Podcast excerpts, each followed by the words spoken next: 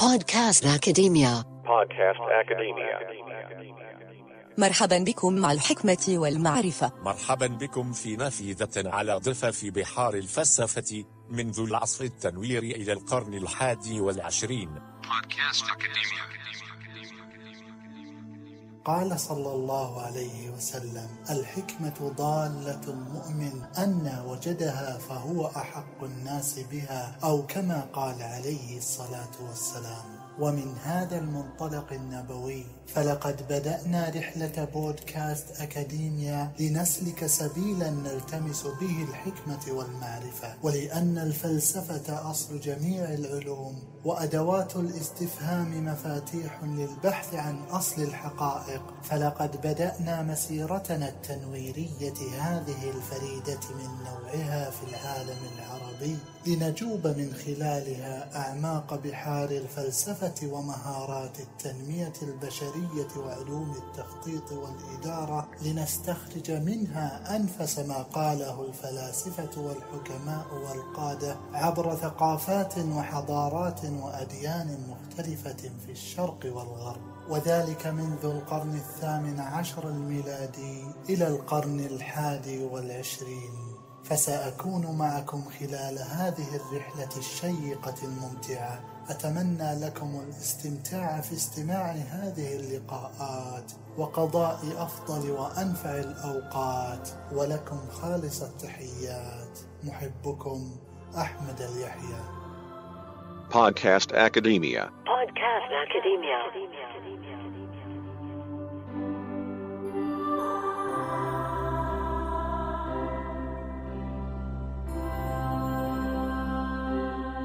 مرحبا بكم في هذا اللقاء الشيق والممتع والذي سيكون عن كتاب يعتبر الأول من الكتب الأكثر تأثيرا في مجال الأعمال خلال القرن العشرين. ولقد بيع منه أكثر من خمسة عشر مليون نسخة. وما كان انتشاره الكاسح والغير مسبوق إلا لأنه كتاب يحمل بين طياته دروسا فعالة وعملية وقوية. وهذا الكتاب العادات السبع للأشخاص الأكثر فاعلية وهو عبارة عن دروس فعالة للتغيير الشخصي وتجسيد أسلوب الحياة الإيجابية المرتكزة على أسس المبادئ والقيم. وهو من تأليف الدكتور ستيفن كوفي عميد فن القيادة ومستشار تنظيمي ومؤلف ومدرس وخبير بالإرشاد الأسري. وهو ذو وجاهة واحترام دولي. والدكتور كوفي كرس حياته لتدريس أساليب العيش والقيادة المرتكزة على المبادئ للأفراد والأسر والمنظمات.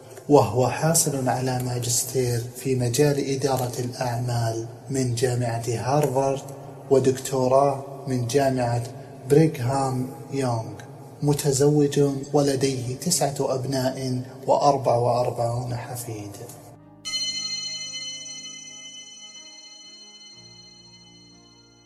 وفي هذا اللقاء سنناقش العادات السبع بالتفصيل وكيف نجعل هذه العادات الفعالة أسلوب حياتنا اليومية؟ فقبل أن نبدأ حديثنا عن العادات السبع دعونا نتطرق لمسألتين مهمتين ركز عليهما الدكتور كوفي لأهميتهما فذكر كوفي في كتابه عن مدى أهمية انسجام المبادئ والشعور براحة البال فيقول أعتقد بأن حياة الالتزام أو الاستقامة هي المصدر الأساسي للقيم الشخصية. فيقول كوفي أنا لا أتفق مع مجموع ما ألف من كتب عن النجاح ذات الشعبية العالية التي تقول بأن احترام الذات يكون في المقام الأول وذلك مجرد مسألة مزاج أو طبع أو بمعنى أكثر وضوحا أننا بإمكاننا إعادة تعديل مزاجنا وتحليل نفسياتنا لنشعر براحة البال.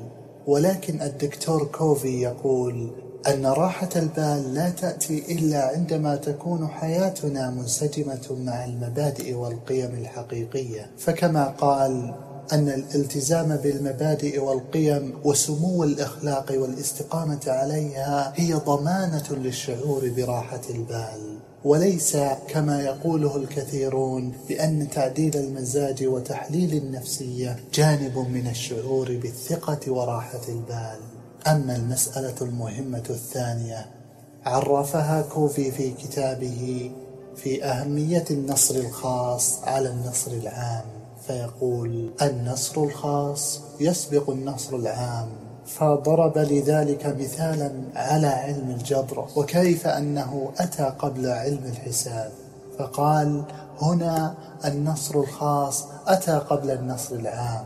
وبمعنى أوضح أننا إذا أردنا أن نشعر بالابتهاج من النصر أو النجاح الخارجي القادم من تأييد واعتزاز الناس بنا يجب علينا أولا أن نبدأ بأنفسنا في التفوق والاطلاع في أحد العلوم. ففي البداية دعنا ألا نسعى في التركيز على النجاح الخارجي.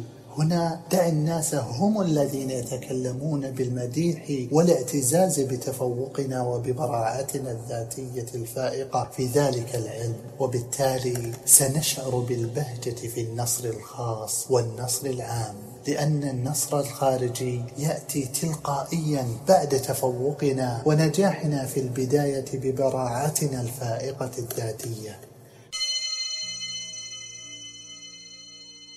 أما العادات السبع للأشخاص الأكثر فاعلية فهي واحد الاستباقية في التخطيط. اثنين البدء بتصور النتيجة النهائية ذهنيا. ثلاثة ضع أولا الأشياء أولا. أربعة في تعاملاتك الشخصية ليكن تفكيرك بأن تربح ويربح الآخرون. خمسة حاول بأن تفهم الطرف الآخر أولا. كي يفهمك الطرف الآخر. ستة التآزر. سبعة التعاهد بسن شفرة المنشار والآن نناقش هذه العادات بالتفصيل. العادة الأولى كن استباقيا. هذه هي العادة الأولى فكيف تكون استباقيا؟ بشكل عام الاستباقي هو من يرسم خططا ويتخذ إجراءات استباقية قبل حدوث أمر ما لكن بالنسبة لكوفي فعرفها بأسلوب آخر فقال انظر إلى كلمة responsibility والتي تعني في العربية مسؤولية. هنا لا يهمنا المعنى العام للكلمة. وإنما هو تجزئة هذه الكلمة لنحصل على معنى مفهوم الاستباقية عند كوفي. فعندما نجزئ هذه الكلمة إلى كلمتين ستكون responsibility بمعنى القدرة على الاستجابة أو المقدرة على اختيار الاستجابة. فالأشخاص الذين يمارسون هذه العادة الفعالة بشكل دائم ويتخذون إجراءات استباقية في حياتهم يعرفون تلك المسؤولية فهم لا يلومون الظروف والأحوال ومدى تأقلمهم فيها أو تكييف سلوكهم في تلك الظروف لأن سلوكهم يكون وفقا لنتيجة محددة لاختيارهم الشخصي ووفقا لاستقامتهم على المبادئ والقيم وليس مجرد ردة فعل بسبب الظروف المحيطة بهم. كن استباقيا. هذه العادة الأولى. إذا ما المقصود بأن تكون استباقيا؟ باختصار لتكن استباقية تعني بأن تكون responsible لتكن لديك المقدرة بأن تختار بقصد كيف تستجيب لأي موقف معين. فهل أنت كلب بافلوفي الروسي؟ أقصد بأن تستجيب بلا وعي لأي مثير معين في حياتك. فإن كنت كذلك فليس الأمر كما يرام. أيمكنك بأن تقف قليلا مع نفسك وتفكر بأي مثير عادي؟ وترى أنماط الاستجابة في حياتك؟ كي تختار استجابة جديدة فعالة مؤثرة تجاه أي مثير معين. أمر جيد. إذا كيف بإمكانك أن تكون أكثر استباقية؟ وأقل انفعالية بسبب أي مثير معين في هذا اليوم. دعنا نكون استباقيين. فدعنا نكون قادرون على الاستجابة تجاه التحديات التي تواجهنا في حياتنا. وفي هذه العادة كن استباقية. ركز الدكتور كوفي على الالتزامات ويقصد بذلك بأن الالتزامات هي التي نتعهد بها تجاه أنفسنا وتجاه الآخرين واستقامتنا على الوفاء بهذه الالتزامات هي الأساس والطريقة المثلى لتعزيز روح المبادرة والإنتاجية لدينا سؤال فهل تفي بالتزاماتك؟ وهل تفعل التزامات لا تريد أن تفعلها؟ أو ليس لديك نية صادقة وخالصة بأن تتبعها؟ انتبه لما تلتزم به ولمن تفعل هذه الالتزامات.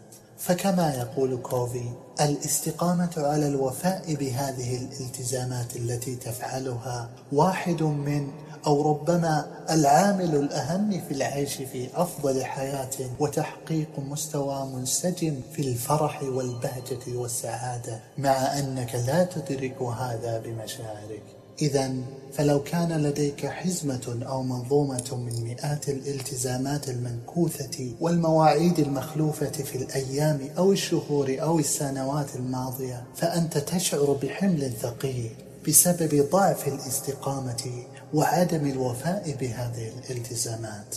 أتعرف عندما لا تفعل هذه الأشياء التي تقول بأنك ستفعلها كقولك بأن تستيقظ في وقت معين هذا الصباح. أو تمارس التمارين الرياضية أو تتبع روتين حمية معين أيا كانت هذه الالتزامات. إلى هذا الحد فأنت لا تفي بهذه الالتزامات فأنت تقولها بصراحة بأنك سوف لن تمضي قدما في حياتك. ولكن كيف تتغلب على هذا الشعور بعدم الوفاء بالتزاماتك؟ فالحل سهل ممتنع فالحل بكل بساطة بأن تبدأ بالوفاء بهذه الالتزامات.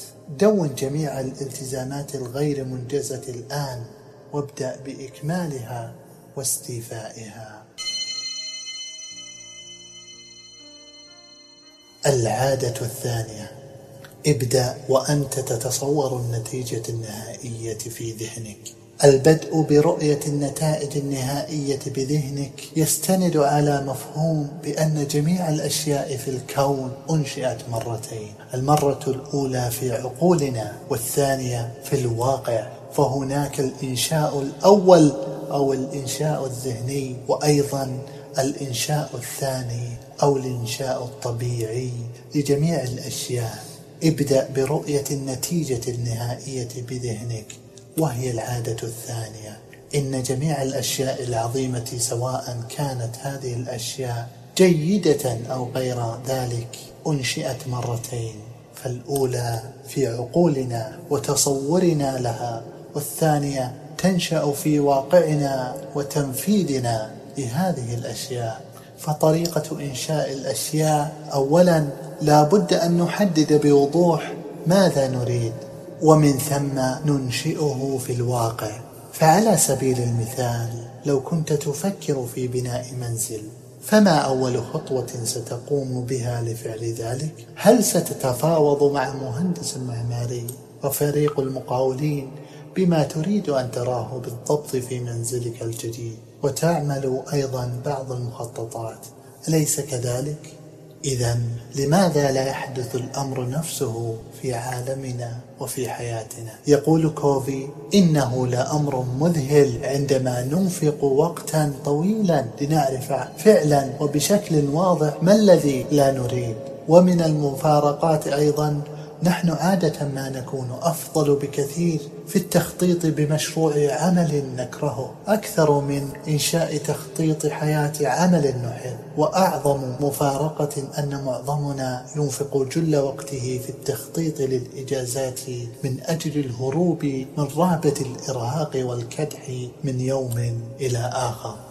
فبدلا من فعل ذلك تخيل لو أنفقنا ذلك الوقت في التخطيط للحياة المثالية التي نحب. كي لا نشعر بالحاجة الملحة للحصول على الإجازة فالأمر بكل بساطة بأن تحدد بوضوح أهدافك العليا النهائية التي تطمح لتحقيقها وأن ترتب كل شيء تفعله في هذا اليوم وفي الغد وإلى ما إلى ذلك لتكن مستقيما وملتزما بالوفاء بهذه الالتزامات والغايات. هنا مثال مثالي ذكره كوفي في كتابه عن كيفية ممارسة العادة الثانية البدء بتصور النتيجة النهائية ذهنيا فضرب مثالا عن الجنائز فقال تخيل بأنك ذاهب إلى جنازة أحد أحبابك. ترى نفسك بأنك تخرج من سيارتك ماضيا قدما نحو المصلى وبالتحديد إلى موضع استقبال الجنازة. وترى الناس يدخلون والمكان قد هيئ تماما لبدء الصلاة. تشعر بحزن عميق على الفقيد وبارتياح نفسي لأنك قد كنت واحدا ممن شاركوا في حضور مراسم الجنازة. تشعر بذلك وتعيش هذا المشهد بكل حواسك الخمس. الآن ترى نفسك بأنك تسير إلى الأمام وتنظر تجاه التابوت وفجأة ترى أمام وجهك بأن الجنازة التي ذاهب أنت من أجلها هي جنازتك. نعم. هي جنازتك أنت. عرفت الآن فعلا بأن هذه هي جنازتك. استشعر بذلك الموقف تماما بكل تفاصيله. الآن تجلس وتلاحظ بأن برنامجا قد أعد في يدك. يوجد في هذا البرنامج وصفا مفصلا لأحداث حياتك. وفي هذه اللحظة تشاهد الناس قد بدأوا بالحديث عنك. اسمع ماذا يقولون. وانظر إلى البرنامج. وكيف سجل هذا البرنامج وصفا تفصيليا لحياتك. ماذا يقول أقرب أحبابك عنك؟ زوجتك أطفالك أصدقائك وزملائك. سنوات قادمة سريعة من هذا اليوم. تخيل بأن ترى جنازتك. فالبرنامج في يدك. ماذا يقول؟ تشاهد أحبابك سارعوا بالحديث عنك ومدى حبهم لك. ماذا يقولون؟ فبماذا كنت في نظرهم؟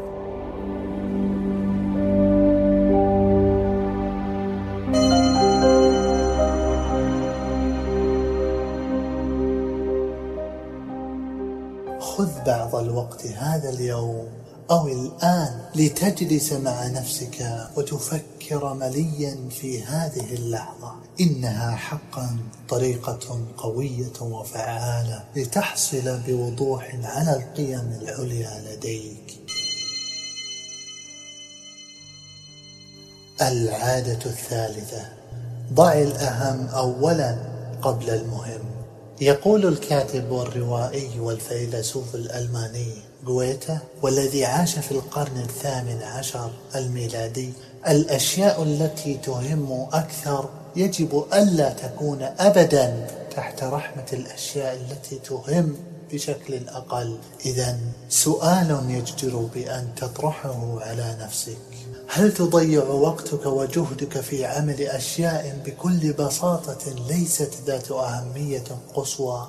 فإن كانت إجابتك بنعم فانتبه يجب عليك بأن تكرس جهدك وتستثمر أوقاتك الثمينة بالأشياء ذات الأولوية والأهمية القصوى.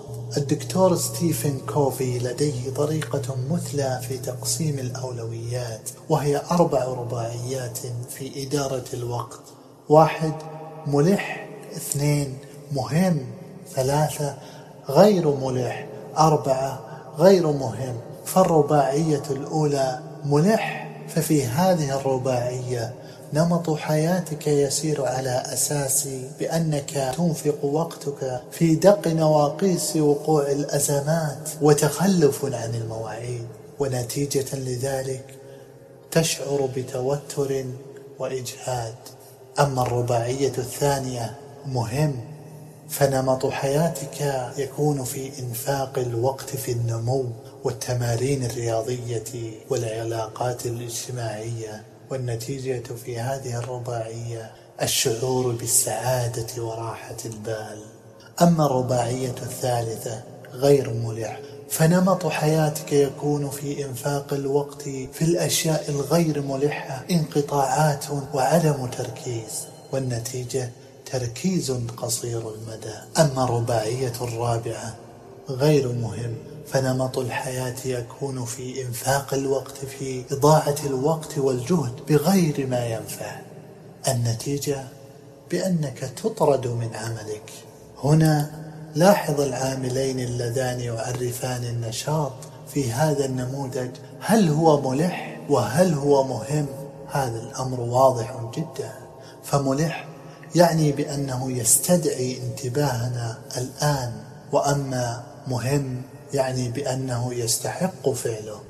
انظر بقرب إلى الرباعية الثانية. مهم لكنه ليس شيئا ملح. نريد بأن نتطبع بهذه العادة. لسوء الحظ معظمنا لا ينفق وقت كاف بالتركيز على هذه العادة. فنحن نعمل خارج الرباعية الثانية.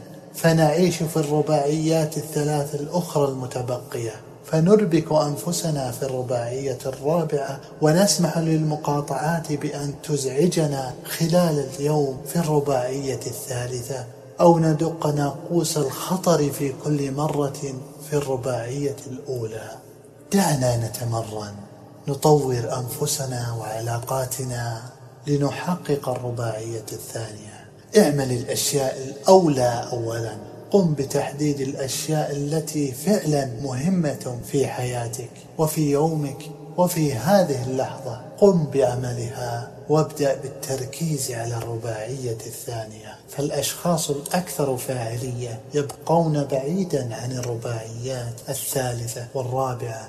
فإن تكن ملحة أو غير ملحة فهي ليست مهمة. هم أيضا يقلصون من حجم الرباعية الأولى لإنفاق الوقت في الرباعية الثانية بشكل أكبر لأن الرباعية الثانية هي مركز إدارة الشخصية المؤثرة الفاعلة. يقول ستيفن كوفي ما الشيء الذي بإمكانك فعله في حياتك الشخصية أو المهنية الذي لو عملته بشكل منتظم سيصنع شيئا إيجابيا هائلا في حياتك؟ إنه الرباعية الثانية التي تقدم لك ذلك التأثير.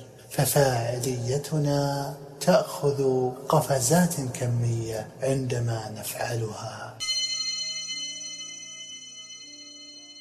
كيف تقول لا بكل ثقة لكل الأمور التي لا تتفق مع أولوياتك العليا؟ أحيانا نواجه موقف مع شخص ويطلب منا أمر فنتردد بفعل ذلك ومن ثم نستجيب لطلبه مجاملة له وبعدا عن الإحراج. لكن كيف نرفض ذلك الطلب بكل ثقة ومن دون أي إحراج؟ لأن ذلك الطلب قد يتعارض مع أولوياتنا ورغباتنا.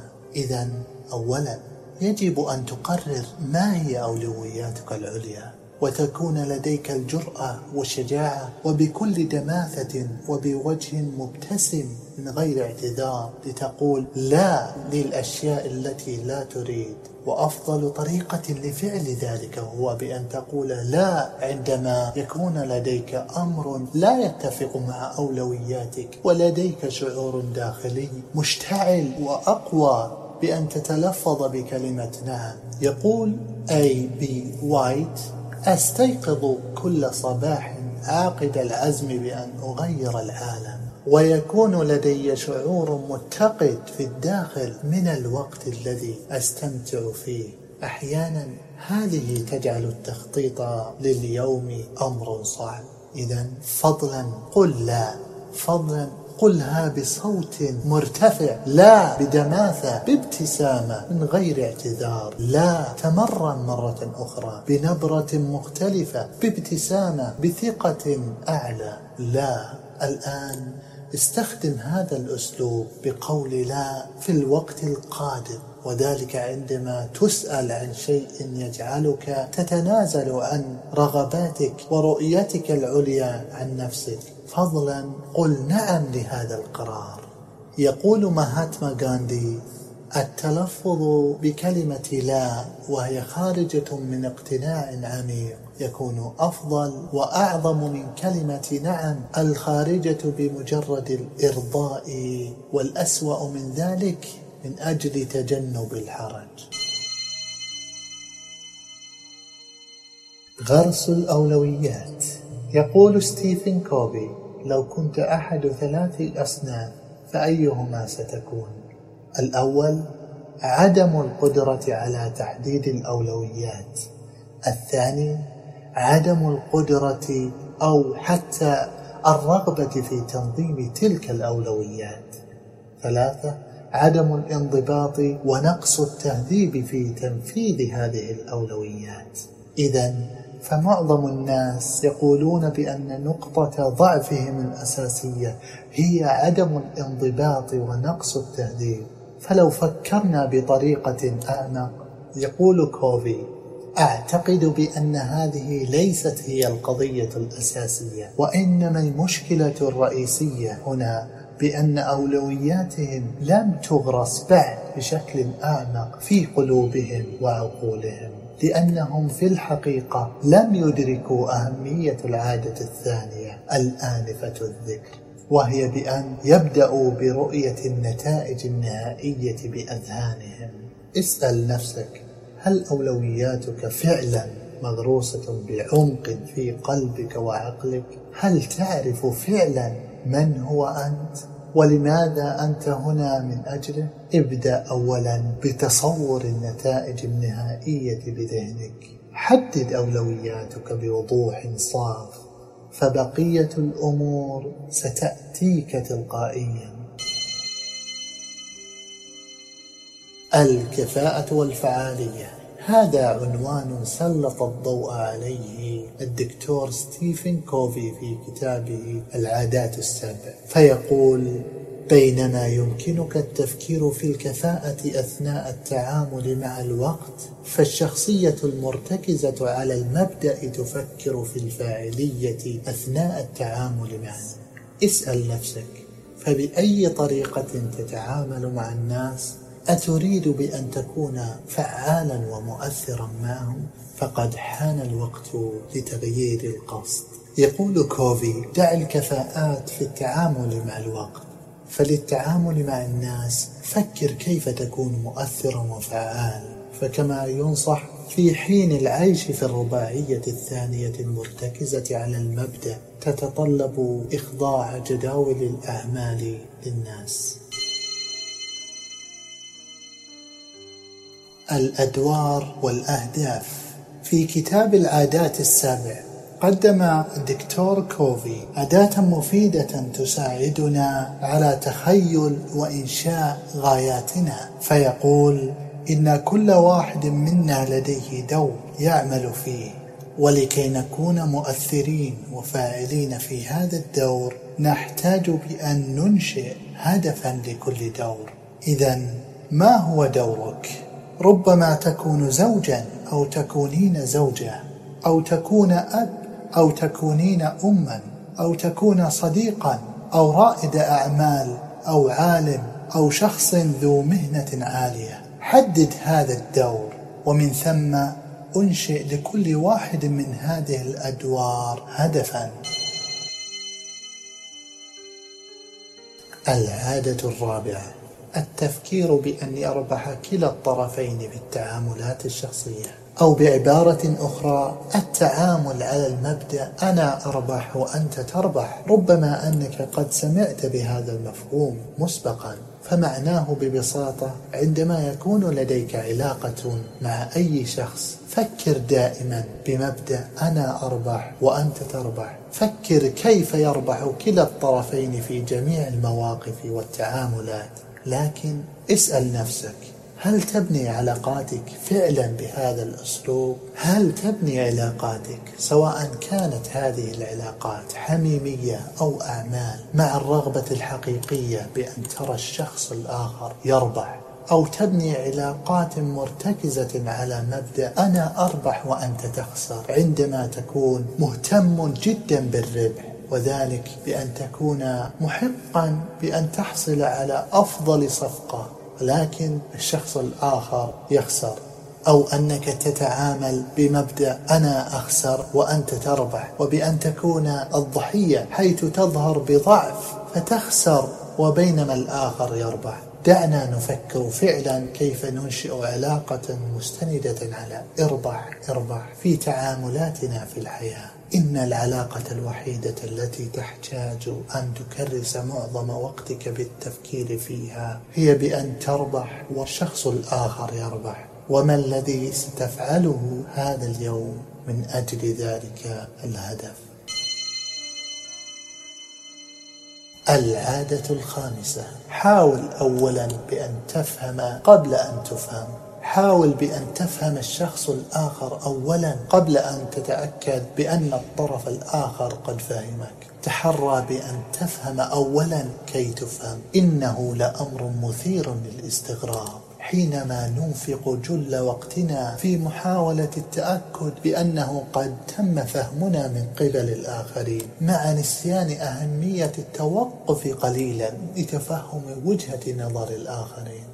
إذا ما الذي يمكنك فعله هذا اليوم لتتأكد بأنك قد فهمت وجهة نظر الشخص الآخر قبل أن تركز جهدك لتتأكد أنه قد فهمك الشخص الآخر؟ يقول إبراهام لينكولن عندما أكون مستعدا للجدال مع رجل ما أنفق ثلث وقتي بالتفكير بنفسي وما الذي سأقوله؟ وثلثي الوقت أفكر بالرجل وبما سيقوله.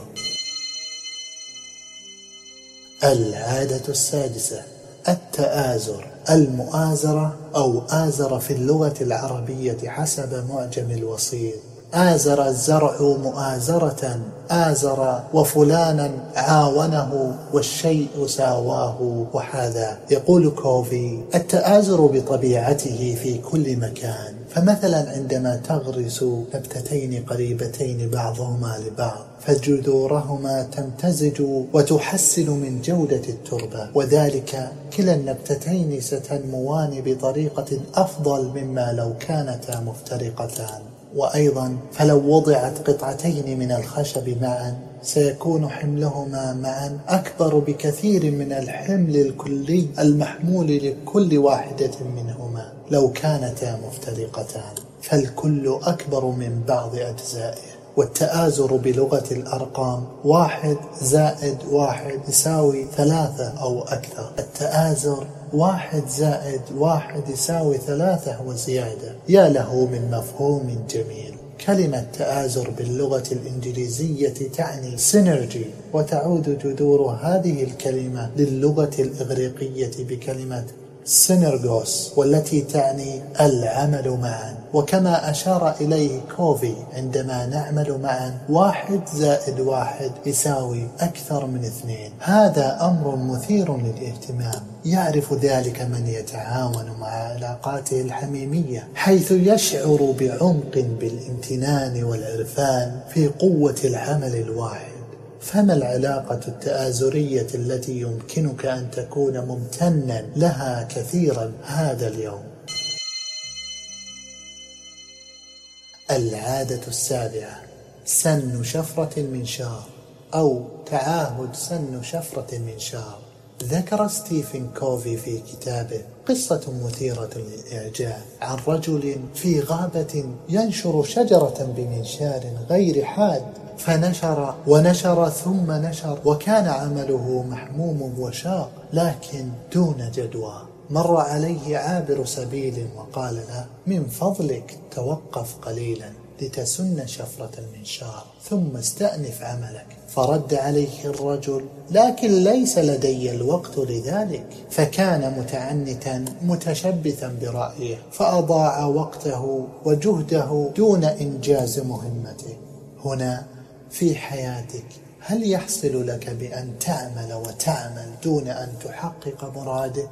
هذا الموقف نفسه هو الذي حصل مع الرجل الذي ينشر الشجرة دون سن منشاره فجدير بنا أن نتوقف قليلا لنعيد ترتيب الأمور ونعيد تقييمها ونعزز من علاقاتنا ونكرس جهودنا لتقوية مهاراتنا لنسن شفرة من شار ونحسن أداءنا في جميع أمورنا. كتاب ستيفن كوفي العادات السبع واضح جدا. فكرس وقتك بأن تجدد نفسك. حد شفرة من شارك. تمرن تأمل سجل يومياتك. استثمر وقتك مع أحبابك. خذ إجازة. استمتع بهواياتك. سن شفرة. سن الشفرة. سن الشفرة. الرسائل. هذا اللقاء نظرة سريعة في كتاب العادات السبع. فإذا لم تكن قد قرأته بعد فأنصحك بأن تحصل على نسخة منه فهنا لم نسلط الضوء إلا على جزء قليل من الحكمة التي ذكرها كوفي في كتابه. فدعنا نلخص بسؤال مهم. ما العمل الذي تقوم به في حياتك؟ ما هي مهمتك؟ ما هي مهنتك بالتحديد أو رسالتك في الحياة؟ فجميعنا لديه رسالة. فما هي رسالتك بوضوح؟ اكتبها واستشعر العيش معها. أتشعر بأنك قد تعثرت؟ اكتب هذا السؤال. ما هي رسالتي بالضبط في حياتي؟ ومن ثم ببساطة اكتب مجيبا على هذا السؤال. رسالتي في الحياة بالتحديد هي بأن نقاط نقاط نقاط. واجعل الكلمات تتدفق من ذهنك. لا تدقق فيما يأتيك من الأفكار أو تسعى لتصحيحها. فقط اكتب. فيقول كوفي العملية في اكتشاف ما نكون وما هي أعظم مواهبنا وكيف نقدمها للعالم على الأقل في التجربة إنها أمر شاق. فيقول فنحن لا نشبك بين أصابعنا ومجرد نقول آها هذه هي. على الأقل لم أعمل لقد كان عندي كثير من الأفكار المثيرة للاهتمام والإنجازات العلمية والتميزات لكنها تأتي في وسط التعايش في هذا السؤال الذي يقول ما هي رسالتي في الحياة؟ وتكون لدي الجرأة بأن أبدأ في أخذ خطوات كما يخطو الطفل أو كخطوات البالغ الذي أشعر بفراستي. أنني أعمل كما أسعى بأن أعيش في استقامة أعمق لإيماني الأعلى. يقول فيكتور فرانكل كل إنسان لديه مهنة ورسالة محددة في الحياة ففي هذه المسألة فلا يمكنه أن يستبدل ولا يمكن لحياته أن تتكرر. لذا فمهمة أي إنسان فريدة من نوعها مثل فرصته المحددة لتنفيذها. إذا فهنا في هذا اللقاء سعينا لنجسد العادات السبع للأشخاص الأكثر فاعلية أكثر وأكثر في حياتنا اليومية. إذا لم يكن الآن فمتى؟ وفي الختام إليكم بعض أقوال الفلاسفة في كتاب العادات السبع. يقول أوليفر ويندل هولمز ما يكمن خلفنا وما يكمن قبلنا أمور صغيرة بالمقارنة بما يكمن في داخلنا. ويقول ستيفن كوفي الأشخاص الفاعلين لا تفكر عقولهم بالمشاكل بل يفكرون بالفرص. ويقول إدوين ماركم لقد التزمنا بالقاعدة الذهبية للذاكرة فدعنا الآن نلتزم بها للحياة. كتب مشابهة Man's Search for Meaning Spiritual Economics Mastery The Gifted Adult Constructive Living. كتاب بحث الرجل عن حياة ذات معنى. كتاب الاقتصادات الروحية. كتاب العيش البناء. كتاب الراشد الموهوب كتاب البراعة الفائقة.